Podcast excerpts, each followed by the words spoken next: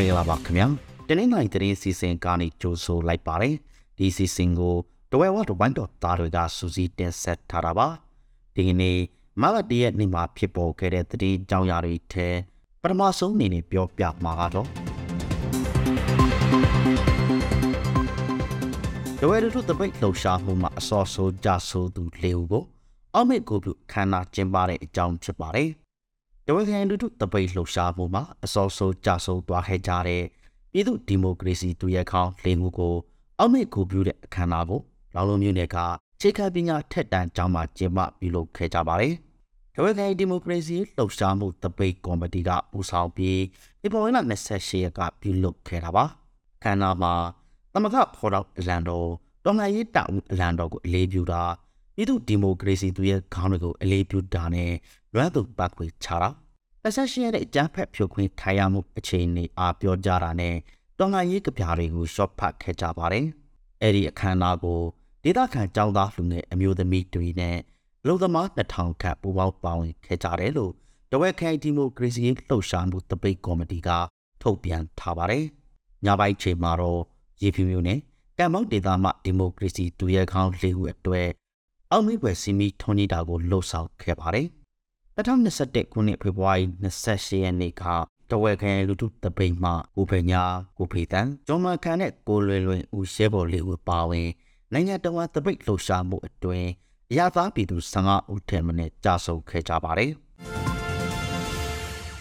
ဖာစီခံထားရတဲ့ဘလောလက်ကူကြီးရွာသားတွေပြန်တော်လာတဲ့အကြောင်းဆက်ပြောပြပေးပါမယ်။ ဒီမောင်က28ရက်ကဖာစီခံရတဲ့ဘလောမျိုးနဲ့လက်ကူကြီးရွာသားတွေအားလုံးပြန်တော်လာကြပါတယ်။စက်ကောင်စီတပ်ဖွဲ့တွေဟာဒေသခံတွေကိုဖမ်းဆီးစစ်ဆေးပြီးနေချင်းပြန်လှော်လိုက်တာလို့ဆိုပါတယ်။ဆက်လက်ပြောပြမှာကတော့တဲချောင်းမျိုးနဲ့ရင်ငွေရွာမှာဖြစ်ပွားခဲ့တဲ့လူသပိုက်ဆိုင်တဲ့ဖြစ်ရဟာဤသူကာကွယ်ရေးအဖွဲ့ဝင်တွေမဟုတ်ဘူးလို့ထုတ်ပြန်တဲ့အကြောင်းဖြစ်ပါတယ်။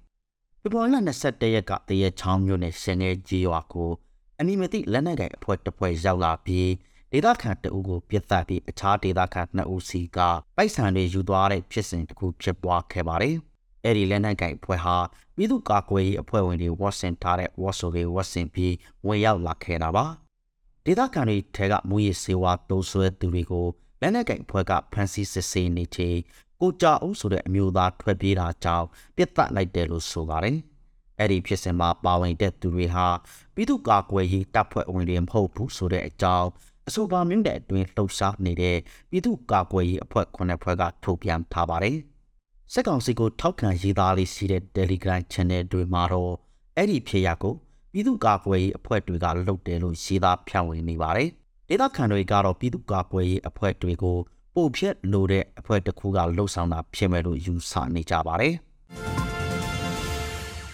ကွာတော်ကစက်ကောင်စီတပ်တိုက်ခိုက်ခံရတဲ့အကြောင်းဆက်လက်နားဆင်ရမှာပါ။ပေါ်တော်ခရိုင်ခမောက်ကြီးမြို့နယ်ဝိုင်ဒေးရွာအနီးမှာတာဆွဲထားတဲ့စက်ကောင်စီတာကို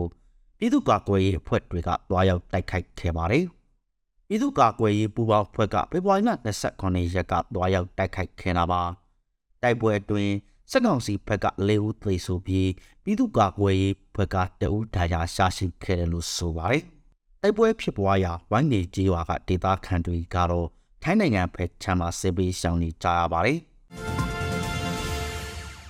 မလေးရှားသွားမဲ့မြန်မာအလုပ်သမားတွေထိုင်းနိုင်ငံမှာဖမ်းခံရတဲ့အကြောင်းစပြောပြပါမယ်။တရားမဝင်လမ်း6ကနေမလေးရှားနိုင်ငံကိုသွားပြီးအလုပ်လုံးမဲ့မြန်မာနိုင်ငံသားတွေထိုင်းနိုင်ငံတောင်ပိုင်းမှာဖေဖော်ဝါရီလ28ရက်က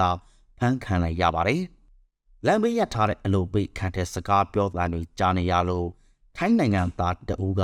ရဲကိုတည်င်းပေးရကနေဖမ်းခံလိုက်ရတာပါ။ထိုင်းရတပ်ဖွဲ့ကလာရောက်စစ်ဆေးချိန်ရိုဟင်ဂျာတွေအပါအဝင်မြန်မာနိုင်ငံသားတရားကျော်ကိုတွေ့ရှိပြီးဖမ်းဆီးလိုက်တယ်လို့ထိုင်းသတင်းတွေမှာဖော်ပြထားပါတယ်။အဲ့ဒီနေ့မှာထိုင်းတောင်ဘက်ကအခြားနေရာတစ်ခုမှာလည်းပို့ခုနေတဲ့မြန်မာနိုင်ငံသားအလုံသမား30ကျော်ကို ထိုင်းနယ်ခြားစောက်တပ်ကဖမ်းဆီးတာခံလိုက်ရပါတယ်။နောက်ဆုံးအနေနဲ့ရွှေဈေးကွက်အကြောင်းတင်ဆက်ပေးမှာဖြစ်ပါတယ်။ဒီကနေ့တဝဲဈေးကွက်ထဲအခောက်ရွှေတကြသား28သေး3000ကျပ်ဝန်းကျင်နဲ့ရောင်းဝယ်ဖြစ်နေပါတယ်။ဈေးနှုန်းမငြိမ်ပဲနေ့စဉ်နဲ့အမျှတက်ကြဖြစ်နေတဲ့ရွှေဈေးဟာ28သေး3000ကျပ်နဲ့ဈေးညီနေတာနှစ်ရက်ဆက်ရှိနေပြီဆိုတဲ့ကြောင်းပြည့်စက်ပေးလိုက်ရှာပါတယ်ခင်ဗျာ ခုလိုနောက်ဆင်ပေးခဲ့တဲ့အတွက်ကျေးဇူးအထူးတင်ရှိပါတယ်မြန်မာနိုင်ငံနိုင်ငံသားများကပ်ပြီးပေါင်းကနေအများဆုံးလွန်မြောက်နိုင်ပါစေလို့တဝဲဝဝိုင်းတော်သားများကစုငုံကောက်တောင်းအပ်ပါတယ်ခင်ဗျာ